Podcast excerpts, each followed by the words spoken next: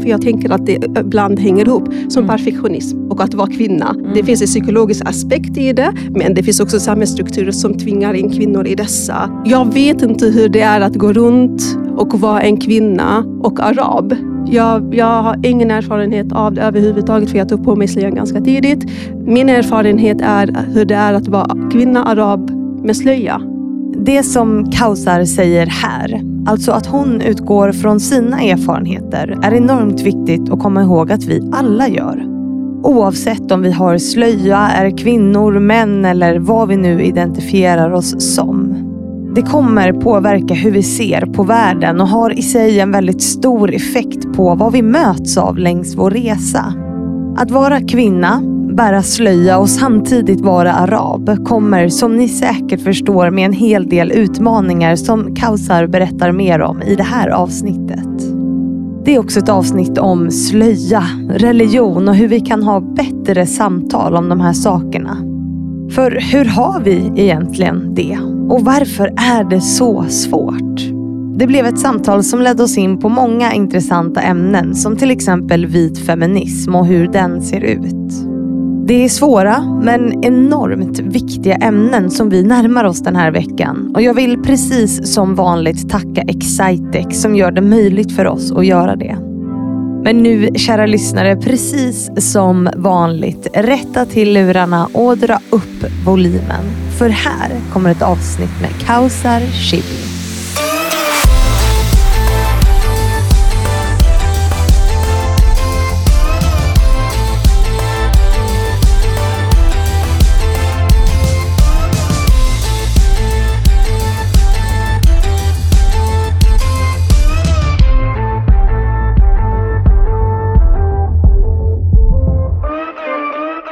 Vi säger varmt välkommen till Kausar Shibli. Tack så mycket. Varmt välkommen hit. Tack så mycket. Hur är dagsformen idag? Trött. Jag tror att jag är lite trött. Jag har varit på utbildningsdagar Ja, ehm, och man blir ganska så trött i huvudet. mm, jag förstår det. Och så släpar du det hit ändå. Ja, men det ska jag nog fixa. Ja, men du bor inte här annars i Stockholm. Du bor i Uppsala, eller hur? Jag bor i Uppsala, det stämmer. Men är ifrån Malmö? Du, det är påläst. Ja, fy fasiken. Vad jobbigt va? ja. Nej, men man hör det också lite grann. Ja. Att, du har, att du pratar lite skånska. Lite, lite. Ja, du har liksom lite skånsk dialekt skulle jag Mm. vilja påstå. Mm. Hur känns det att vara här då? Spännande. Mm. Det känns spännande faktiskt. Det kommer Ja. bli kul att få prata med dig. Ja, vad är det som gör att det känns spännande? Berätta. Det är ett väldigt spännande ämne att prata om, för att man vet aldrig var man landar. Nej. Det kan gå åt väldigt många olika håll och kanter. Mm. Så jag ser fram emot att se vart det här landar. Ja, jag med faktiskt. Du, är du är inbjuden av en speciell anledning. Ja. Eh, Och Vi kommer ju landa i den längre fram, tänker jag. Ja. Eh, Men först vill vi höra lite om dig, Kausar. Ja. Vem, är, vem är du? Ja, den här frågan är ganska svår att besvara för att Ja. jag, jag upplever att det alltid slutar med att vi berättar om vad vi gör Mm. när den här frågan ställs. Ja. Typ som att, eh, ja, lite som att det definierar vem jag är, men uppenbarligen så gör det väl. Annars hade vi inte svarat. Börjat så. Så jag, jag, gör ju det. Jag, det kanske berättar vem jag är lite, eller vad jag är intresserad av. Jag är född i Malmö, um, men flyttade till Stockholm för snart tio år sedan. Mm. Och är socionom i grunden. Mm. Eh, Men direkt efter examen så började jag läsa en grundläggande psykoterapiutbildning. Så jag blev klar 2015 med det och har sedan dess jobbat med behandling och terapi. Mm. Um, och har precis påbörjat um, legitimerat psykoterapeutprogrammet. Ja. Jag um, med privat. Jag är gift och har ett barn som är fyra år. Mm. Ja, jag vet inte mer vad jag ska säga. Du jobbar med barn, eller hur? Nej, det gör jag. Inte längre. Nej, Nej, visst jag- har du gjort det förut? Ja, min eh, behandlingsbana var ett tag inom barn och ungdomspsykiatrin. Jag jobbade Ja. ganska, eller fem år inom BUP. Mm. Um, och där jobbar jag med barn och ungdomar, um, kartläggning och behandling och med föräldrarna. Um, men eh, sen två år tillbaka så jobbar jag på Uppsala universitet. Det. Vi har en samtalsmottagning Mm. där jag jobbar som kurator och då träffar vi studenter och jobbar med deras mående, psykisk ohälsa eller välbefinnande och jobbar med föreläsningar som ett sätt för, eller workshops och grupper för att förebygga. Så vi jobbar både med eh, förebyggande, men också med psykiska ohälsan i Mm. form av samtalskontakter. Det där är ju superintressant. Ja. Vad ser du för trender liksom, när du jobbar med det? Eh, Jag tänker att det är rätt unga människor, eller liksom folk i, i kanske 20-årsåldern eller någonstans där. Det är universitetsstuderande, så det, det, det skiftar från 18-åringar till 60-åringar. Mm. ja. Eh, Det skiftar verkligen, men eh, unga vuxna. mm. Så. Vad ser du för trender? Alltså, vad, vad är det som gör att människor mår dåligt idag? Den vanligaste sökorsaken hos oss, alltså varför man söker sig till oss för att vilja prata med en kurator eller en psykolog, det är på grund av eh, ångest. Mm. Och ångesten kommer oftast i form av prestationsångest, Mm. perfektionism, um, självkritik. Sen har vi eller stress kopplat till studierna, man hinner inte med. Mm. Man vet inte hur man ska strukturera, strukturera upp sin vardag och så hamnar man efter och så blir det en jättesvart, en sån där um, ond spiral. Mm. Um, men sen har vi också nedstämdhet. Mm. Um, att det kan vara jobbigt att komma till en ny... Man, många flyttar ju från hemstaden till Uppsala. Första gången man bor ensam, eh, första gången man får ta eget ansvar, kanske första gången man lagar mat och städar och, Mm. och gör de här vuxna eh, grejerna. Och det blir väldigt många förändringar. Och Mm. även om det är väldigt många förändringar som man har sett fram emot, så blir, klarar all, inte alltid hjärnan det Nej. då... Så man blir lite nedstämd, isolerar sig lite eh, och har svårt att hänga med i de, alla dessa förändringar. För det är typ att du flyttar och dina föräldrar försvinner och du är ensam och du känner inte någon och det är en ny stad. Och det, är ett sätt, det är ett nytt sätt att plugga. Ja. Och Det är väldigt mycket att förhålla sig till. Så väldigt många kommer till oss eh, på grund av dessa anledningar. Mm. Och just det här med prestationsångest och perfektionism, det är ju ett otroligt intressant ämne, tycker jag. Mm. Som jag tror att väldigt många kvinnor, det är säkert många män som lider av det också, men framförallt kvinnor känner igen sig i just det. Liksom. Vad brukar du säga till folk som lider av det? Liksom? Vad skulle du säga är... Alltså det är ju jättesvårt såklart, Mm. men, men har du några så här tankar kring det? Nej, ja, ja, det finns ingen, man kan inte typ säga någonting som... Det finns ingen enkel lösning menar det du? finns ingen enkel lösning eller någon sån där ett enkelt svar som kan förklara varför man har perfektionism eller upplever sig vilja prestera på topp hela tiden. Det, men det finns, man kan alltid förstå det. På ett, eh, förstå det. Och förstår man det, förstår man, förstår man varför man faller i den där, de där banorna. Varför vill jag alltid prestera? Förstår man vad det är som, vad vill jag med min prestation? Vad vill jag åstadkomma? Vad vill jag känna? Vad, vad vill jag göra med det här? Och förstår vi, om jag inte gör det, vad händer då med mig? Vad känner jag då? Vad gör jag då? Mm. Förstår vi de här grejerna så kan vi också förs- veta hur vi ska jobba med det. Mm, precis. Så. Hur mycket tänker du att typ, samhället påverkar prestationskraven på oss? Jag tänker att det, går, det är jättesvårt att särskilja psykologi från samhällsstrukturer. Ja. Att oftast hänger det ihop. Och Jag tänker att det inte är en slump att kvinnor är, är den gruppen där man ser tydliga tendenser för perfektionism Mm. eller prestationsångest. Eh, Och Det är antagligen för att vi lever i ett samhälle som säger You can do it all, eller you can be it all. Du kan bara göra allt och du kan vara allt, bara du bestämmer dig för det. Mm. Och sanningen är att vi kan inte vara allt och vi kan inte göra allt. Vi har alltid begränsningar, vi har inte utrymmen och det kostar oss att göra allt och vara allt. Mm. Det kommer alltid kosta någonting. Ja, det är också ett problem att vi säger att alla kan bli enastående. Liksom, för Mm. Det, går, det går ju inte. Nej. Och liksom accepterar man det, då säger man ju också samtidigt att alla som inte är enastående är nollor. Alltså det blir ju, Ja. och, alltså man vill inte vara nolla, eller vad känner du? Ja, men exakt. Och man sätter det i, i, i motsatsförhållande till varandra. An- Antingen är du fantastisk på det du gör, enastående, eller så är det ing, inget. Och jag tror att eh, för oss handlar det om att vi måste ifrågasätta dessa två motsatsförhållanden. Är vi verkligen ingenting om vi inte är på topp hela tiden? Vem är vi bortom våra prestationer? Och det var så jag började min introduktion. Vem är jag bortom min, min yrkesroll och min, min familj? Ja, vem är du bortom din yrkesroll och din familj då? För det har vi inte pratat Nej, om. vi har ju inte gjort Nej. det. Nej, för jag faller också själv in i fällan. Vad blir ditt svar på det då? Ja, ja, det, har du, har det, du psykoanalyserat dig själv någonting? ja men alltså jag, tänker, jag tycker också att den här frågan är väldigt svår att besvara. Ja. För jag är inte... jag är många saker. Mm. Jag, I vissa situationer är jag en, en på ett sätt och i andra situationer är jag på ett annat sätt. Men jag tycker om eh, till exempel psykologi. Och det är därför jag jobbar med det. Mm. Eh, Jag tycker om, jag har, tycker om att... Nej, jag tänkte säga jag var ute i naturen, men det stämmer inte. Jag, Nej, du försöker tycka om det. jag försöker. Sitter du och ljuger här nu Jag Kausar? försöker, exakt, på tal om att ha perfektionistiska drag. Ja. Nej, nej. Eh, jag, jag är mer av, ta det lugnt och slappa, titta på TV framför Netflix. Jag har Mm. inga problem att sitta och hänga framför Netflix i tre dagar. Alltså, ah, jag blir bara varm när jag tänker på det. Ja. Och, och, och jag tycker om att umgås med mina vänner. Och, eh, ganska introvert. Eh, Folk tror inte det, men jag är ganska introvert. Och, och, men även om jag har...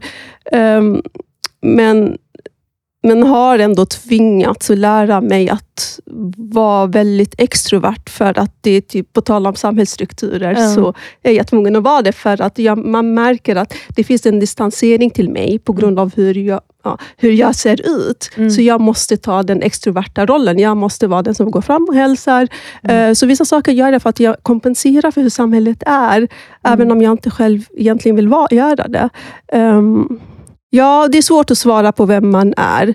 Ehm, för att man är så otroligt mycket. Du kan, alltså, hur kan jag prata om mig själv om jag inte berättar vad jag tänker? Kan jag prata om mig själv utan att berätta vad jag känner när jag är i vissa situationer? Det är jättesvårt. Ja. Så jag har jättesvårt för den frågan. Den, blir väldigt, den är väldigt abstrakt och väldigt stor och jag vet inte ifall man kan hitta ett svar till det. Nej, men är man inte en ständigt utvecklande varelse Ja. på något sätt? Ja, Att man så här, alltså allt är ju en del av en, som du säger, man är väldigt mycket och sen Mm. är man ju förhoppningsvis, inte alla, väldigt många är kanske inte i det, men i konstant utveckling.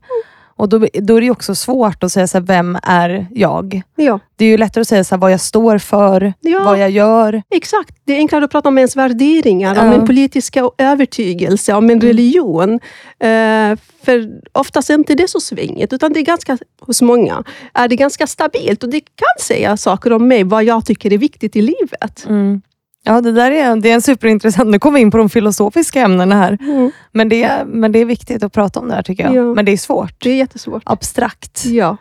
Men vad var det som fick dig att, vi ska snart gå till de här andra frågorna, men jag vill ändå säga, vad var det som fick dig att bli intresserad av att bli socionom och psykologi och hela den Ja, jag är väldigt intresserad av samhällsstrukturer och samhällsfrågor. Mm. Eh, och eh, Det gjorde att jag sökte mig till socionomprogrammet. Men jag har varit, ända sedan jag var ett barn, väldigt intresserad av samtal. Ja.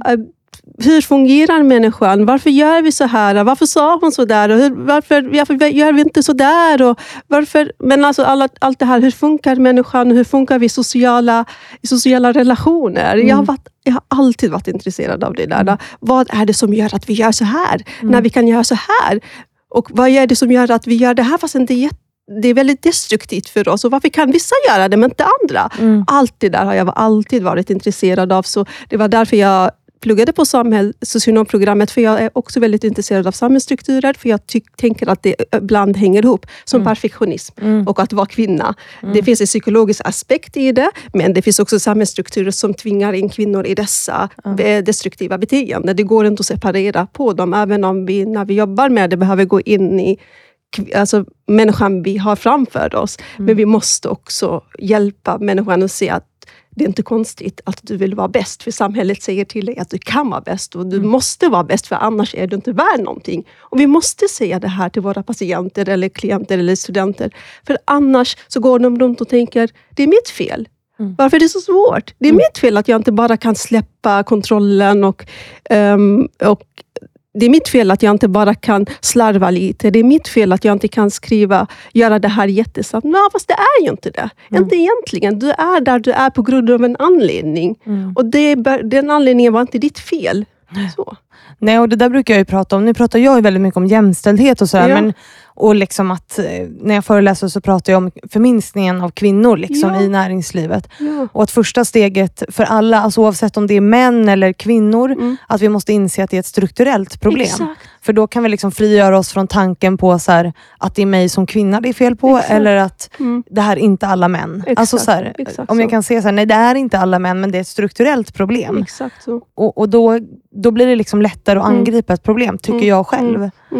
Mm. Men vad var det som fick dig att liksom bli intresserad av samhällsstrukturer och hur det funkar? Och, Men jag tror att det är för att jag också uppväxt i en förort i Malmö och så jag såg ojämlikheten och jag upplevde ojämlikheten, eh, både fattigdomen och rasismen, och, men också jäm, o, jämställd, ojämställdheten. Mm. Och, och jag kommer ju också från Palestina där det är krig och Mm. eh, förtryck. Ja. Ehm, Um, och det går inte att inte bli intresserad eller vara intresserad uh, av den kontexten du befinner dig i.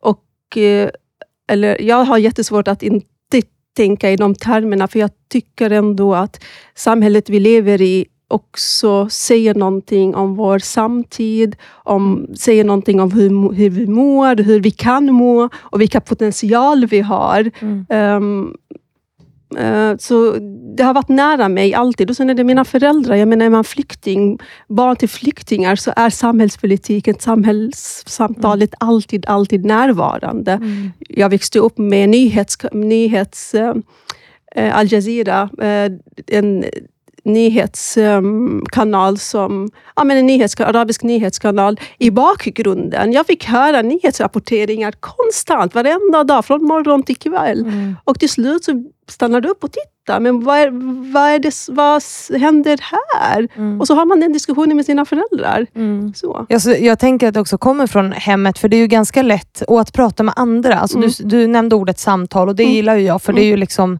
på något sätt grunden i det jag gör, att Mm. prata med människor och Mm. lära mig mer.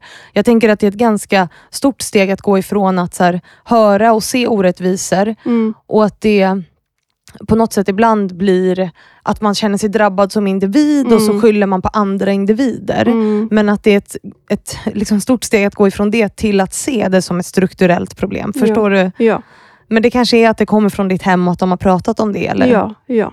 För att, eh, och jag tänker att det är dit vi liksom måste gå på något sätt. Mm. Från det individuella till, Mm.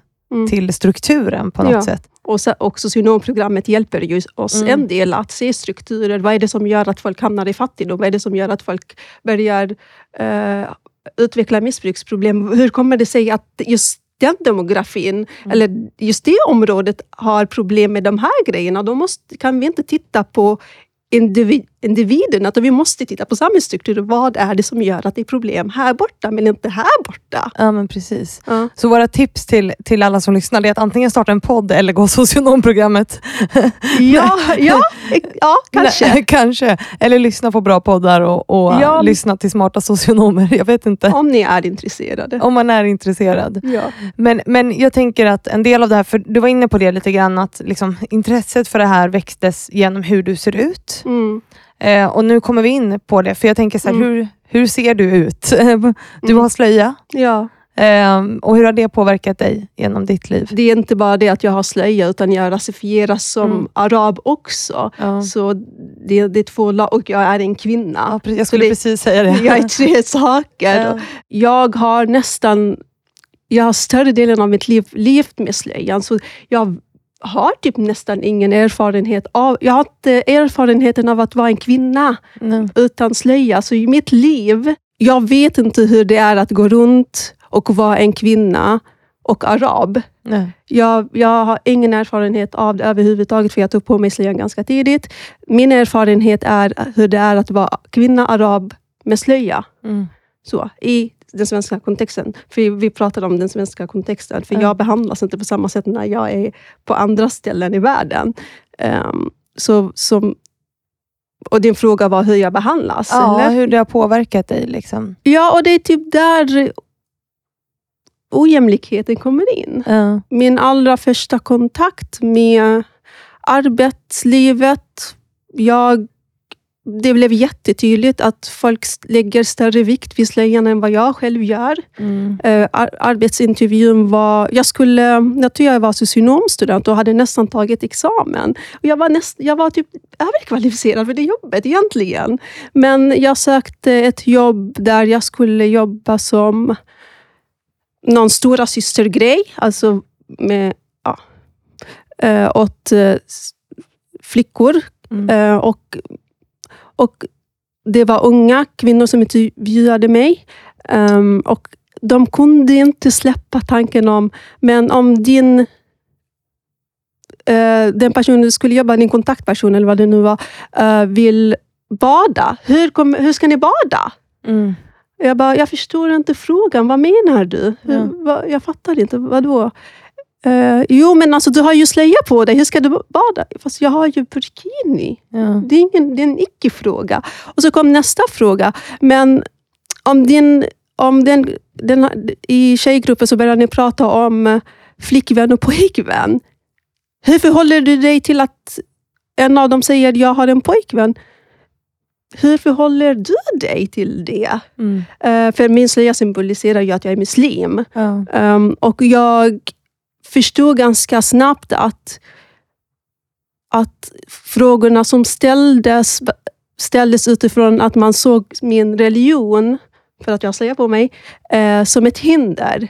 För jag är ganska säker på, hade du suttit där så hade inte man frågat, "Nej, men hur ska du gå båda? Nej. Eller hur skulle du förhålla dig till kvinnan, som, till unga tjejer som berättar att hon har en pojkvän? Och det var samma erfarenhet när jag skulle på göra min praktikplats under socionomprogrammet med min handledare. Ehm, du är muslim, säger hon. Ehm, och du kommer ju träffa icke-muslimer.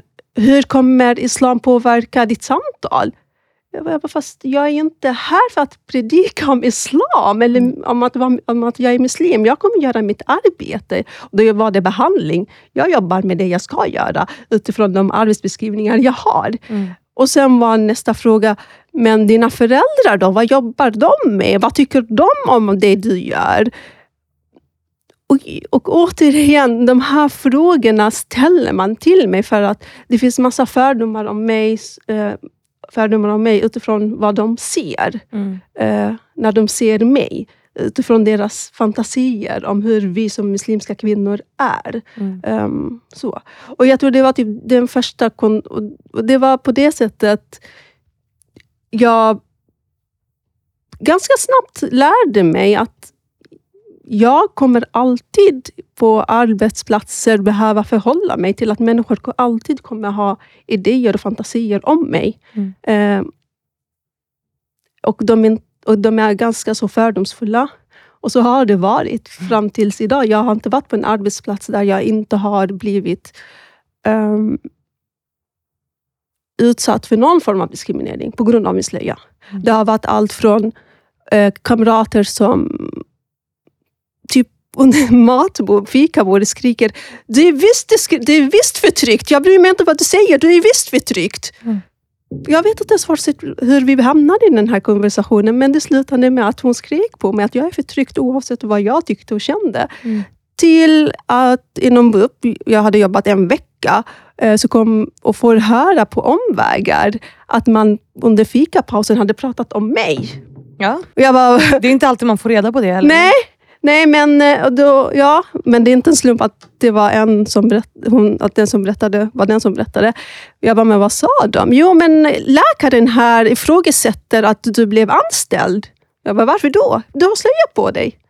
Mm. Och sen gick jag, traskade jag raka vägen till chefen, för jag har ändå erfarenhet av detta. Jag bara, det här är vad som sägs om mig. Vi ska ha ett möte. Ja. Vi ska ha ett möte med honom, för det var en manlig läkare. Vi ska ha ett möte med honom, för det här är inte okej. Jag vägrar bli ifrågasatt på det här sättet. Så vi hade ett möte där han bara, jag kommer inte jobba med dig för att du har slöja.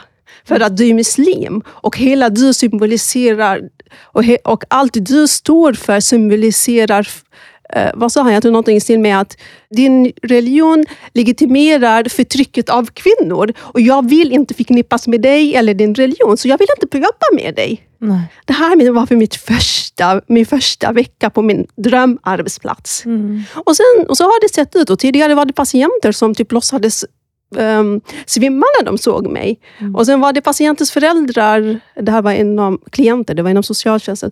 Och inom BUP var det mer föräldrar som såg mig, sprang till chefen, ville inte ha mig, trots att jag hade ett superbra samtal med deras barn. Mm. Ibland räckte det med att skicka in alltså kallelsen och de såg mitt namn. Um, Hej, vi vill inte ha träffa henne. Mm. Alltså det har, nu är jag på en arbetsplats där jag får fortfarande har inte mött någonting, men jag väntar på det. Jag väntar på att det kommer komma en dag då min religion, eller hur jag ser ut, eller hur jag rasifieras, alltså hur folk tolkar mig, ser mig, kommer bli ett problem. Ja, så. Ja, men och vad beror det här på? Alltså folk har fördomar, det har vi varit inne på, men det har ju, alltså att vara muslim och att ha slöja, det har ju blivit en symbol för kvinnoförtryck. Liksom. Ja. Vad beror det på? Det, jag, jag tror att vi det finns en ganska lång tradition av islamofobi i Sverige. Eh, Mattias Gardell har pratat i sin föreläsning, Mattias Gardell är en religionsforskare, har pratat om eh, att man redan, redan under medeltiden kunde höra sånger som sjöngs då om onda muslimer som skulle föräta sig på kristna barn. Mm. Kulturen, den första filmen som spelades på bio i Sverige handlade om en muslimsk man som kidnappade en vit kvinna. Mm. Kolonialismen, eh, man åkte till Nordafrika för att man vill sprida frihet och, fri, och, och frigöra kvinnorna för de onda männen. Mm. Alltså jag, jag, det här, vi har en väldigt lång tradition av islamofobi, islamofobi i världen, i Sverige. Och i den berättelsen så berättar man om att muslimska män är onda, muslimska män förtrycker och att kvinnor, muslimska kvinnor är eh, förtryckta av sina män och det är vårt ansvar som västvärlden att frigöra dem från det här förtrycket som, eh, som kommer från islam, som, eh, som verkställs av männen och hamnar på kvinnorna. Mm. Och, idag, och samtidigt, om vi tittar på nutid, det finns en forskning som organisationen Insan gjorde, som handlar om att det skrevs eh, två artiklar per dag om slöjan under 2015, tror jag. Eh, de, till 60 procent av det som skrevs om slöjan var negativ. Mm. Eh, och, det, och 96 procent av de som skrev om slöjan var icke slöjbärande kvinnor. Mm. Och Jag tror att om du matas med eh, om du under alla dina år matas med samma budskap, islam förtrycker kvinnor och män är förtryckande, så kommer du till slut tro på det. För vi har inte haft en nyansering, nyanserad bild av om islam, om slöjan eller om muslimska kvinnor överhuvudtaget. Det är samma berättelse som berättas om och om och om igen. Mm. I serier, i kulturer, i debatter, i nyhetsflödet. Kvinnorna är förtryckta av de muslimska männen för att islam förtrycker. Ja, men jag tänker också i nutid, nu kan jag ha fel i det här och jag säger det, eh, men att den här krisen i Iran, att kvinnor tar av sig slöjorna och bränner den, ja. de blir också en, eh, har ju också blivit en symbol för kvinnors frigörelse, eller hur? Fast det som händer i Iran är ganska nytt. Vi, mm. I Frankrike så mm. har man under 14 års tid förbjudit kvinnor från att bära slöja, mm. bära bikini mm. och precis förbjudit dem från att ta på sig klänningar. Så vi, kan inte förklara islamofobin med det som sker i Iran, för det här är nej, i närtid. Nej, det är klart, men jag tänker att det är en del av liksom Det förstärker syn, bilden. Det förstärker bilden det av förstärker, att slöjan är förtryck. Ja, det sätt. förstärker bilden, men mm. med eller frånvaro av Irans, revolutionen i Iran så hade det bild, den här bilden fortfarande funnits. Mm. Den förklarar ingenting, förutom mm. att den förstärker den. För den här bilden, jag har växt upp med den. Mm. Men vad kommer, alltså varför ska man ha slöja? Vad är liksom... Vad står det i Koranen om det? Koranen, jag tänker att när man pratar om Koranen och tolkning av Koranen så behöver man förstå att den, den skrivs på ett språk som alla muslimer inte behärskar. Den skrivs på arabiska. Och för att man ska förstå Koranen och dess full, fulla eh, till, alltså, betydelse så behöver du ha en utbildning både i arabiskan, mm. du ska ha utbildning i teologin, du ska ha eh, utbildning i profetens lära. Hur levde profeten Muhammed under den tiden Koranen skrevs? För mm. man behöver tolka Koranen i den kontexten den skrevs. Mm. mm. Eftersom det är en tolkningsfråga, mm. eh, för att man tolkar det på olika sätt, så kommer du få väldigt många svar. Mm. Du behöver komma ihåg att slöjan används inte bara eh, av, av kvinnor som dagligen bär slöjan när de Mm. går ut. Utan slöjan är en del av vår religion för att vi ber. Så som kvinna, som muslim, så ber vi fem dagar om dagen. Så även om du kanske inte ber slöjan när du lämnar huset, så, kom, så bär du slöjan i ditt hem när du ber. Så det är en viktig... Det är ett, den, den finns som en viktig del i vårt liv när vi utövar islam. Om man ber, om man praktiserar islam, så, finns den, så är den viktig. Men varför man bär slöjan, det är väldigt individu- individuellt. Finns, frågar du en miljon muslimska kvinnor varför de bär slöjan, så kommer du få en miljon olika svar på varför de bär slöjan. Vissa kommer säga, jag bär den för att Gud sa till mig. Andra kommer säga, jag bär den för att den påminner mig om min spiritualitet. Någon annan kommer säga, ja men jag bär den för att den berättar för omvärlden att jag är inte tillgänglig för dig. Den, någon annan säger, jag bär den som för att påminna mig om livet här efter. Och Det finns väldigt många olika tolkningar. Och när vi ska prata om varför är slöjan... Och jag tror det hänger också ganska mycket ihop med att vi pratar inte om de här sakerna. Att slöjan är inte symbol för förtryck, utan det är symbol för många olika saker beroende på vad, vem du frågar. Eh, så. Och det, vi får inte höra de här nyanserande bilderna. Ja, slöjan kan användas som ett sätt att förtrycka, men det kan också sex. sex du kan, alltså din partner skulle också kunna utsätta dig för våld genom sexet. Men vi pratar inte om sex, sex som ett, typ ett sätt att förtryckande medel, utan vi, vi pratar om sex. Ja, sex kan vara, vi kan ha sex på grund av lust, vi kan ha sex på grund av önskan, vi kan ha, ha sex för att vi vill ha närhet, vi kan ha det på grund av självdestruktiva alltså mönster, vi kan ha sex för att vi har blivit påtvingade påtvingade det. Men vi går inte runt och säger att sex är farligt för dig, eller sex är symbol för förtryck. Utan vi har ett väldigt nyanserat samtal om vad sex kan vara. Och det samtalet finns inte när man pratar om slöjan. Hur har vi dem på ett bättre sätt då? Tänker jag. Jag tror att det, alltså, jag tror att det handlar om att man behöver vara öppen för att de, föreställningar och fantasier du har om den andra människan är bara föreställningar och fantasier. Och är du öppen för att det kanske är, finns någonting annat bortom dina egna föreställningar och fantasier, så kan du kanske till slut få höra Ja, men jag har slöjan på grund av detta. Jag har, eller så kanske du ser människan bortom slöjan, för slöjan är fortfarande... Vi, slöjan är viktig, men det är västvärlden som gör den så otroligt... Alltså, den blir så otroligt central för västvärlden. Den är viktig för mig, men den är inte central. Människor vågar inte fråga så här, varför har du slöja? Ja, det, och jag tänker att det, jag tänker att det handlar om varför ställer du frågan? När ställer du frågan? Vad är intentionen? med- Vem ställer du frågan till? Det är ganska konstigt att gå fram till, din, till en person du inte känner och fråga Hej, varför har du slöja? Nej, det, det gör man ju inte. Ja. Det förstår jag. Ja, men sen hur ofta har vi samtal om religion överhuvudtaget här i Nej. landet? Nej. Så det kanske också är det. Jag menar, vi kanske inte ska börja med att ställa varför har du slöjan, utan ställa någon annan fråga. Eh, prata om religion. Vi pratar inte om religion överhuvudtaget nästan i det här landet. Så, det, så Vi kan ställa frågan, men det handlar också om, gör du det på rätt sätt, med rätt person, i rätt tid och kontext? Mm. Du har inte rätt att ställa alla frågor. Vi behöver också komma ihåg det. Vi är inte berättigade att ställa alla frågor vi tänker på. Vissa frågor behöver, ska du inte ställa. Nej. Jag tror också att här, den här känslan att du behöver inte veta allt. Du har inte rätt att ställa alla frågor. Nej. Men hur vill du bli bemött då? Hur vill man bli bemött? Jag kan utgå från mig själv. Precis. Och i vilken kontext, vad är det specifikt du tänker på då? Nej, men jag tänker när du, säg nu att folk vill lära sig mer och förstå mer. Om vad? Om eh, till exempel religionen då, som vi är Ja. inne på nu. Ja. Hur ska man fråga och i vilken kontext är det rätt? tänker du? Eller Jag hur tänk- har vi samtalen på bäst sätt om Jag, religion? tänker, jag tänker att samtalen... Alltså vi behöver ju skapa en miljö för samtal. Mm. eh, utifrån den och också ha, ta hänsyn till vilken tid och samtid vi lever i. Att samtal om islam är ganska infekterat. Mm. För att det är väldigt sällan man går fram till människor som ser ut som mig och frågar av nyfikenhet. Utan det finns en, ibland en, en, en som min kollega, alltså typ att man har en viss agenda eller en fördom som man bara vill första, eh, bekräfta.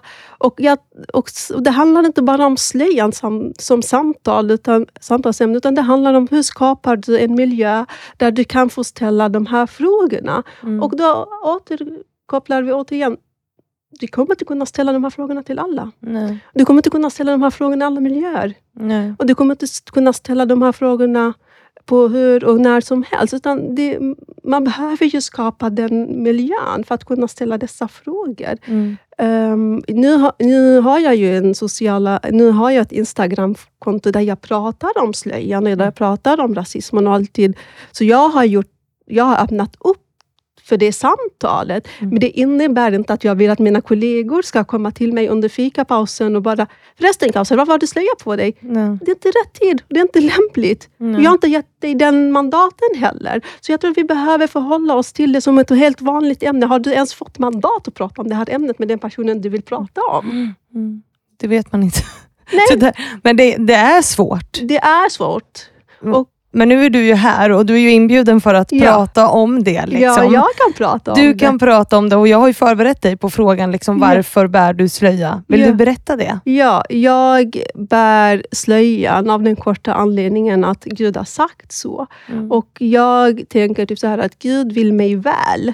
Eh, jag tänker att Gud vet eh, att jag inte alltid förstår varför vi ska göra vissa saker inom vår religion. Men jag förlitar mig på att Gud vill mig väl och jag förlitar mig på att jag kommer bli belönad av det. Och för mig räcker det, då gör jag det. Det är lite som när vi går till en läkare vi har förtroende för. Vi går inte in och petfrågar. Varför ska jag ha den här? På vilket sätt funkar den här tabletten? Hur kan du berätta på cellnivå vad den gör i min kropp? Utan vi förlitar oss på läkaren för vi vet att de har studerat och de vill oss väl. Och Det är exakt den typen av tillit jag har till Gud. Så jag har slöjan för att Gud har sagt att jag ska ha den och jag underkastar mig den ehm, rekommendationen. Mm.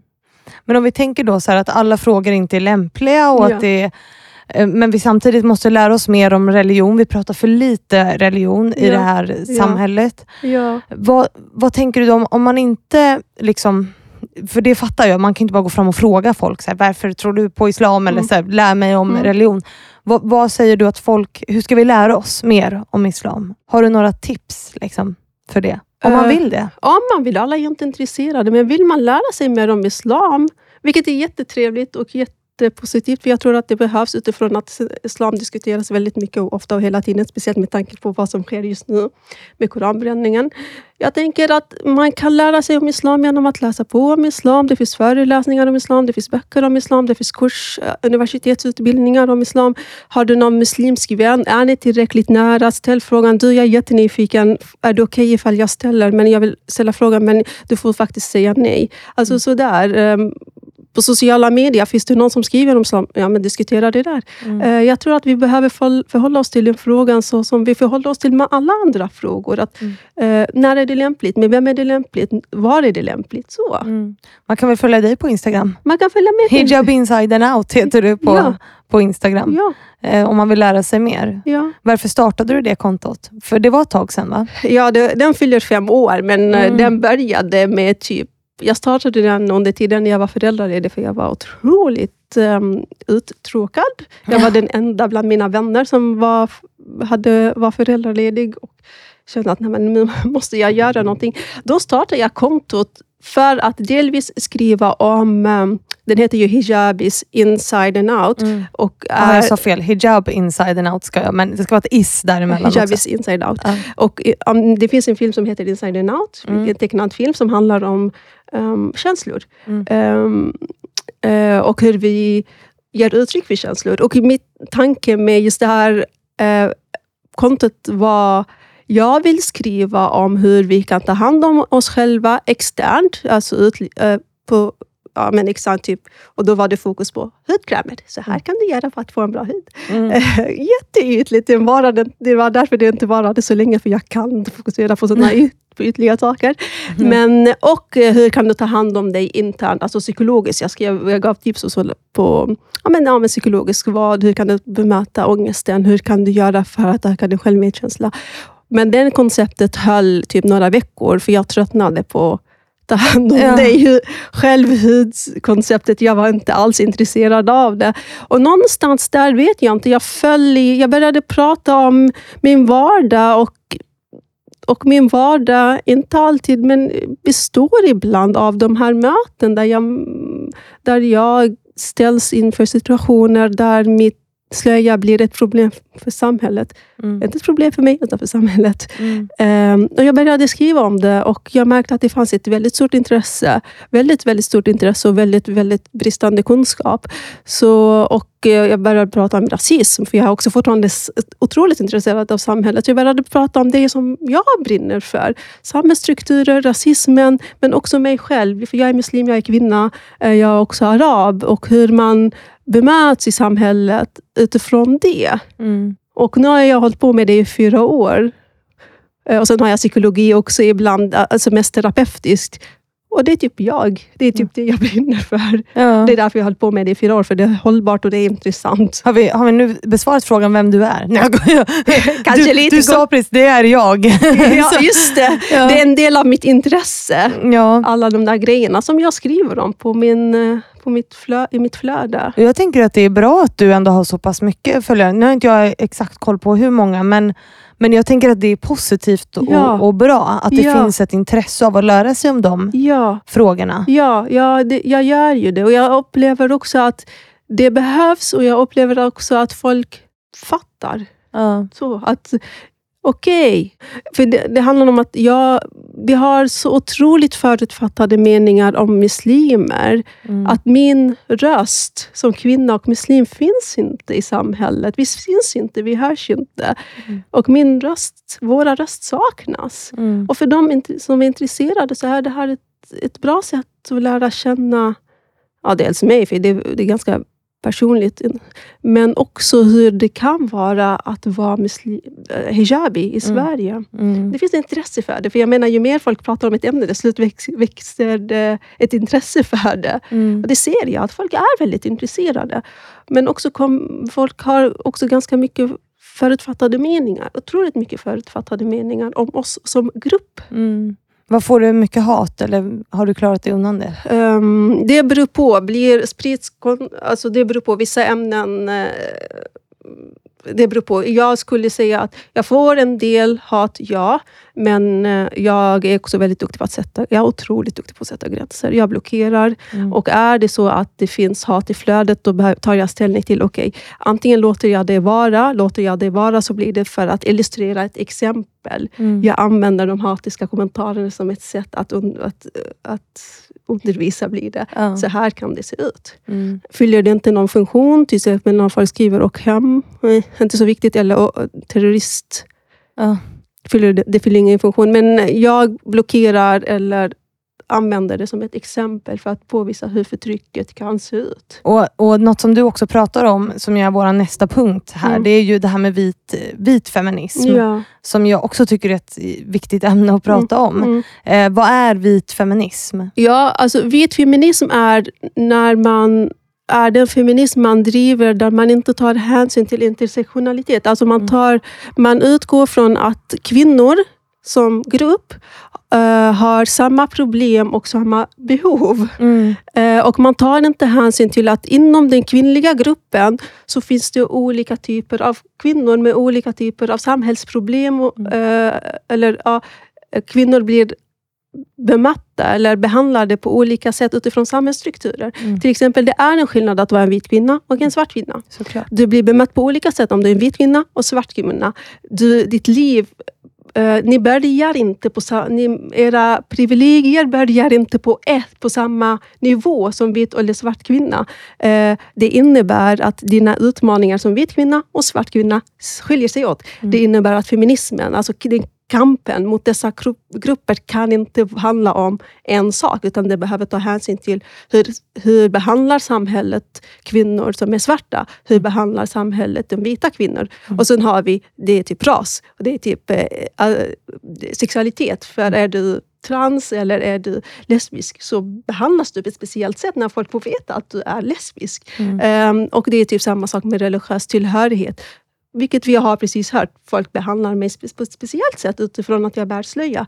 Och bedriver du en kamp som du kallar för feminism, men tar inte hänsyn till att de här intersektionerna, alltså de här olika grupper, eh, möts, så bedriver du en kamp som kommer endast gynna den vita kvinnan. Mm. Eh, och, och Det blir också på ett sätt ett sätt att upprätthålla eh, förtrycket mot den svarta kvinnan, mot den lesbiska kvinnan, mot kvinnan med slöja och, och kvinnan med funktionsnedsättning. Mm. För vi har olika kamper Mm. och vi, vi möter olika problem och våra behov eh, är, särskiljer sig åt. Ett tydligt exempel skulle kunna vara för den vita kvinnan. Jag vill också bara typ säga att det kallas för vit feminism, men alla kvinnor, vita kvinnor bedriver inte vit feminism. Mm. Utan det är typ den där exkluderande feminismen som vi kallar för vit feminism. Mm. Eh, kan vara bra att veta. Men till exempel hur detta kan illustrera sig är att eh, en feministisk fråga som oftast lyfts upp är lönen Mm. mellan män och kvinnor. För feminismen så är det typ det man fokuserar på. Jämställdheten mellan män och kvinnor Mm. oftast. Och då pratar man om lönen. Eh, och vi vill ha samma lön för samma arbete, kan det Mm. låta. Så. Ja, det vill vi. Men jag blir inte ens kallad, som slöj, kvinna med slöja, blir jag inte ens kallad på intervju. Så min kamp handlar inte om att få samma lön som mannen. Min kamp handlar om att jag vill att folk ska se mitt CV och kalla mig till de intervjuer jag har rätt till. Mm. Och då kan inte kampen bara handla om rätt, alltså högre lön för kvinnor. Den behöver handla om hur får vi den svarta kvinnan att komma till de intervjuer hon har rätt till. Mm. Hur får vi, ehm, eller typ eh, barnmorskor. Man pratar också om att barnmorskor behöver ha bättre arbetsplats. Ja, vi barnmorskor behöver ha arbetsplats, bättre förutsättningar för att kunna bedriva sitt arbete. Och den kampen kan vi ta. Jag tycker den är jätteviktig. Men den vita feminismen handlar också om, i det här fallet, att som svart kvinna så riskerar du att dö i högre utsträckning än den vita kvinnan för att läkarna tar inte hänsyn till di- dina symptom, det du beskriver i sjukhuset. Så om inte du berett tar upp den kampen i din kamp, alltså tar hänsyn till att alla kvinnor har inte samma utgångsläge. Alla kvinnor upplever inte samma problem. Mm. Alla kvinnor eh, alla kvinnors kamp är inte likadan, så bedriver du en kamp som kommer fortsätta göra så att ja, den vita kvinnan får högre lön och kommer snart möta mannens lön. Men som muslimsk kvinna så kommer, jag inte for, så kommer jag fortsätta att inte bli kallad till intervju. Mm. Man tar inte hänsyn till de här diskrimineringarna eller samhällsstrukturer som gör att våra förtryck särskiljer sig åt. Vi har också problem med att vi också vill... Alltså vi, den kampen man har- de upplev, utmaningar man har som kvinna, som vit kvinna, har vi också, men vi har så många andra också. Rasismen, Mm. eh, som ibland kan handla om liv och död, som svart kvinna under för, i förlossningen. Mm. Då är det, då, om inte du pratar om detta i din kamp, då, för, då tar du inte hänsyn till den här, de här problemen. Men och, och då, då tänker jag så här, hur gör man det? Och där tänker jag att min sponsor Excitec också vill veta. Alltså, hur för man de här samtalen? på Eller hur blir vi bättre? Liksom? Ja, För ja. Jag tror att den viljan finns. ja, jag tror också det. Jag, Eller jag har den i alla fall. Jag vet ju, jag kan alltid bli bättre. Liksom. ja, men, jag tror att de flesta vill det. Ja, men jag tror också det, det är inte konstigt att vi, är, att vi hamnar, att vi driver de frågor som vi kan bäst relatera till. Jag skriver jättemycket om typ, eh, hur det är jag skriver ganska mycket om islamofobi, men det är för att det ligger mig närmast. Mm. Alltså det, är ingen, det är inget konstigt att man bedriver de frågor som man mest kan relatera till. Men jag tror att när vi, ser oss, när vi säger att vi är feminister och vi vill jobba mot förtrycket, Mm. då har vi också ett ansvar att utbilda oss om förtrycket. Mm. Hur ser förtrycket ut? Hur, hur ser dess symbolik ut? Hur yttrar det sig? Vem skadar det? På vilket sätt? Vem förtrycker vem? Här och då behöver vi ta hänsyn till att som vit kvinna så kan du faktiskt förtrycka en svart Mm. kvinna. Och, är vi, och, då, och då handlar det om mod. Vågar jag erkänna hur jag som människa upprätthåller de förtryckande strukturerna? För jag gör ju också det personligen Mm. själv. Jag upp, upprätthåller, också, upprätthåller också vissa förtryckande strukturer. Om jag inte studerar och lär mig om mina egna privilegier och de här utmaningar som finns inom de här olika grupperingarna. Så ett, utbilda oss. Mm. Och sen våga närma oss eh, de jobbiga samtalsämnen. Mm. Ehm, vad gör jag för att både upprätthålla de förtry- förtryckande strukturerna, men vad kan jag också göra för att, in, för att verka för ett mer jämställt samhälle? För det är det, du kan inte jobba med jämställdhet utan att ta med jämlikhet. Nej. Det är typ det som är grejen med vit feminism, att vi tar inte hänsyn till ojämlikheten i frågan. Så hur kan vi eh, ta med ojämlikhetsaspekten? Vad innebär den? Ehm, och då, det är, det, jag tror det, det är en svår fråga, men, men jag tror att vi gör den till omöjlig genom att typ utmåla det som är en kamp som pågår mellan två feministläger, där den ena gruppen att man sätter två olika kvinnoläger, alltså två kvinnogrupper i, i, förhåll, i motsatsförhållande till varandra. Att det blir ett krig, att man utmålar det som ett krig, när det egentligen handlar om att fast vi vill ju samma sak. Vi vill skapa ett samhälle som inte förtrycker Mm. oss som kvinnor. Det är bara det att förtrycket särskiljer sig beroende på vilken kvinna du är. Så vi vill åt samma sak. Vi vill ha jämställdheten. Vi vill kunna ses som männen, eller ja, Mm. ha samma rättigheter som männen. Eh, Men resan dit är inte likadan för oss alla. Nej. Och vi måste prata om det.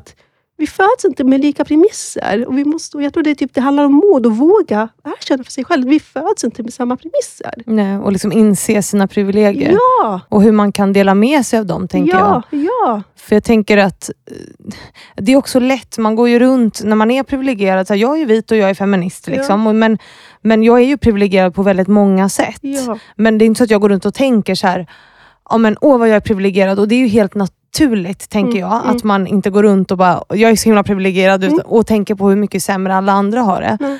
Men att man behöver nog göra det. Man behöver göra det. På vilket sätt, eh, eh, på vilket sätt gynnar min hudfärg mig? Mm. Ehm, eh, och hur missgynnar den hudfärgen henne? Mm. Och vad kan jag göra i min roll för att öppna upp dörren för henne också? Mm. Och Det kan vara en enkel... Alltså det kan vara, och Jag tror att det är typ samma sak som när vi jobbar med kvinn, alltså frågor mellan män och kvinnor. Ja, men män pratar jättemycket, de får mycket mer talartid. Ja, då kan vi anta att den rasifierade kvinnan får mindre talartid. Ja, men då kan vi, för att jobba mer inkluderade, då kan vi höja den svarta kvinnans röst i det här rummet. Eller den andra, eller kvinnan med funktionsnedsättning, vi höjer hennes röst i det här rummet. Ehm, att man inkluderar, alltså man, det, handlar om, det handlar verkligen om att inkludera grupperna i kampen. Mm.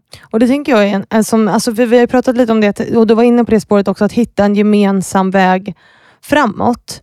Eh, och Jag tänker att en del av det är ju, för att eftersom att man liksom, som utrikesfödd kvinna liksom har inte samma privilegier, då kanske det är upp till oss vita feminister att Ja. bjuda in och dela med oss. Eller? Ja, men det är exakt samma sak. För gör vi inte samma sak när vi pratar om jämställdheten? Det är ett stort ansvar av jämställdhetsarbetet handlar om att mannen behöver bjuda in oss till ledningsgruppen Mm. och mannen behöver se till att vi får höja upp våra löner och mannen jobbar med våldsstrukturen och mannen och mannen och mannen. Att han har ett jättestort ansvar för att han sitter på makten.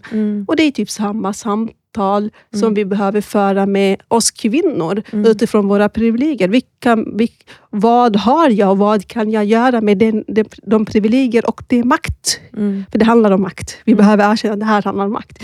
Maktutrymmet jag har. Vad kan jag göra med min röst och med min, de, alla de, dessa kapital jag har? Hur kan jag bjuda in och öppna upp? För vi behöver förstå att när vi bjud, ju mer vi vinner som en rörelse på att bjuda in flera röster. Mm. Eh, vi förlorar inte på att vara mer inkluderade, snarare tvärtom så vinner vi på att inkludera varandra i den här rörelsen. För det innebär att vi är mer enade och mer frontade och, har en, och kommer ett steg närmare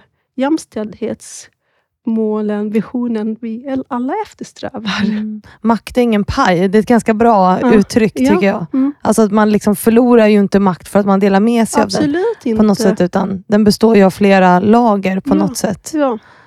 Ehm, ja, det här är väldigt intressanta samtal Mm. som är ehm, svåra. Jag tror, att, jag tror också att det är lätt att bli kränkt liksom, på Mm. något sätt. Ja, Eh, och, de, och den känslan tror jag, och- den vill jag säga till alla, så att den är ju naturlig. det är naturligt. Alltså att man blir ju man kan ju känna sig lite kränkt. Jag menar, när jag skrev min första bok så insåg jag så här, men herregud, jag har bara vita power ladies i min podd. Ja. Det här har mina lyssnare hört förut. ja.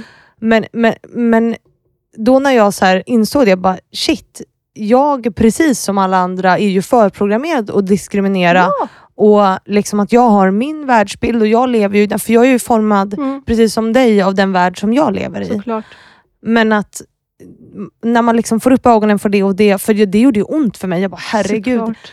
Eh, att man, det är först då man kan förändra. Förstår du hur jag menar? Ja. Man måste låta det kännas alltså Ja. på något sätt. Ja, exakt. Det, det, ska, det kommer göra ont. Mm. Det, alltså det här är en kamp som kommer kosta blod och svett och och tårar och det kommer göra mest ont i dig. Mm. Ju mer privilegier du har och ju mer, eh, ju, längre, ju mer du har blundat, desto mer ont kommer det göra att öppna upp ögonen Mm. och se, men shit, vad jag...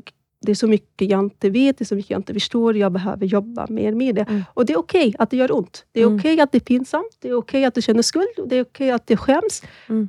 Känslor kommer och går. Ja. Jag bara härbärgerar med det och tänker, ja, jag gjorde det här, inte för att jag ville medvetet skada. Jag gjorde det här för att jag inte visste bättre. Mm. Nu när jag vet bättre, då ska jag göra det till min vision att försöka göra världen lite mer jämlik. Ja. Vad är första steget? Ah, okay, men jag behöver förstå mig själv och min position och förstå andra och andras position, så jag läser på.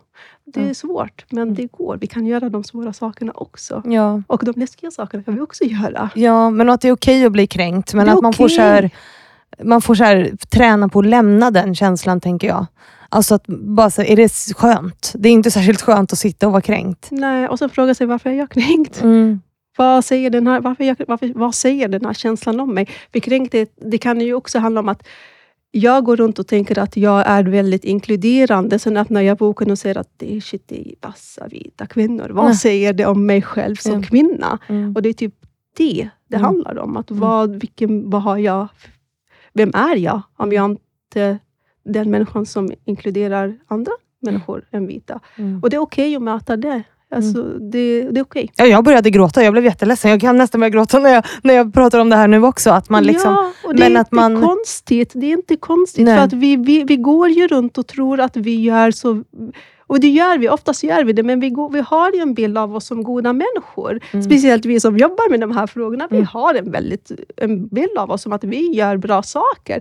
Men det innebär inte att vi gör att vi är perfekta, på Mm. tal om perfektionism. Mm. Vi gör fel saker också. Mm. Och när vi vågar möta de saker som inte är som, som inte riktigt som skaver, för det handlar om de saker Mm. som skaver. Det är där förändringen sker. Du Mm. behöver möta det som skaver. mm, Och kränkthet handlar mer om att shit, jag trodde verkligen inte att jag var en sån. Men Mm. okej, nu är jag ledsen för att jag är lite det. Mm. Men jag vill bli bättre. Och jag gör det. Jag Mm. kommer bli bättre. Men sen kommer vi hamna där igen. Och så gör vi det igen. Och så gör vi det igen. För vi, vi trampar på tår och vi säger fel. Och Mm. Jag gör ju också det. Jag, eh, för några månader år sedan så tog, jag, tog en kompis kontakt med mig. Vi hade, det var något uppehåll mellan våra samtal. Och då säger hon till mig, ja du använde en ordet Jag bara, ursäkta mig? Ja, jag bara, va? va? va? ja. Vad menar du? Hon där, ja men kommer du inte ihåg? Du, vi satt på den, i det här, det här rummet och du använde n-ordet.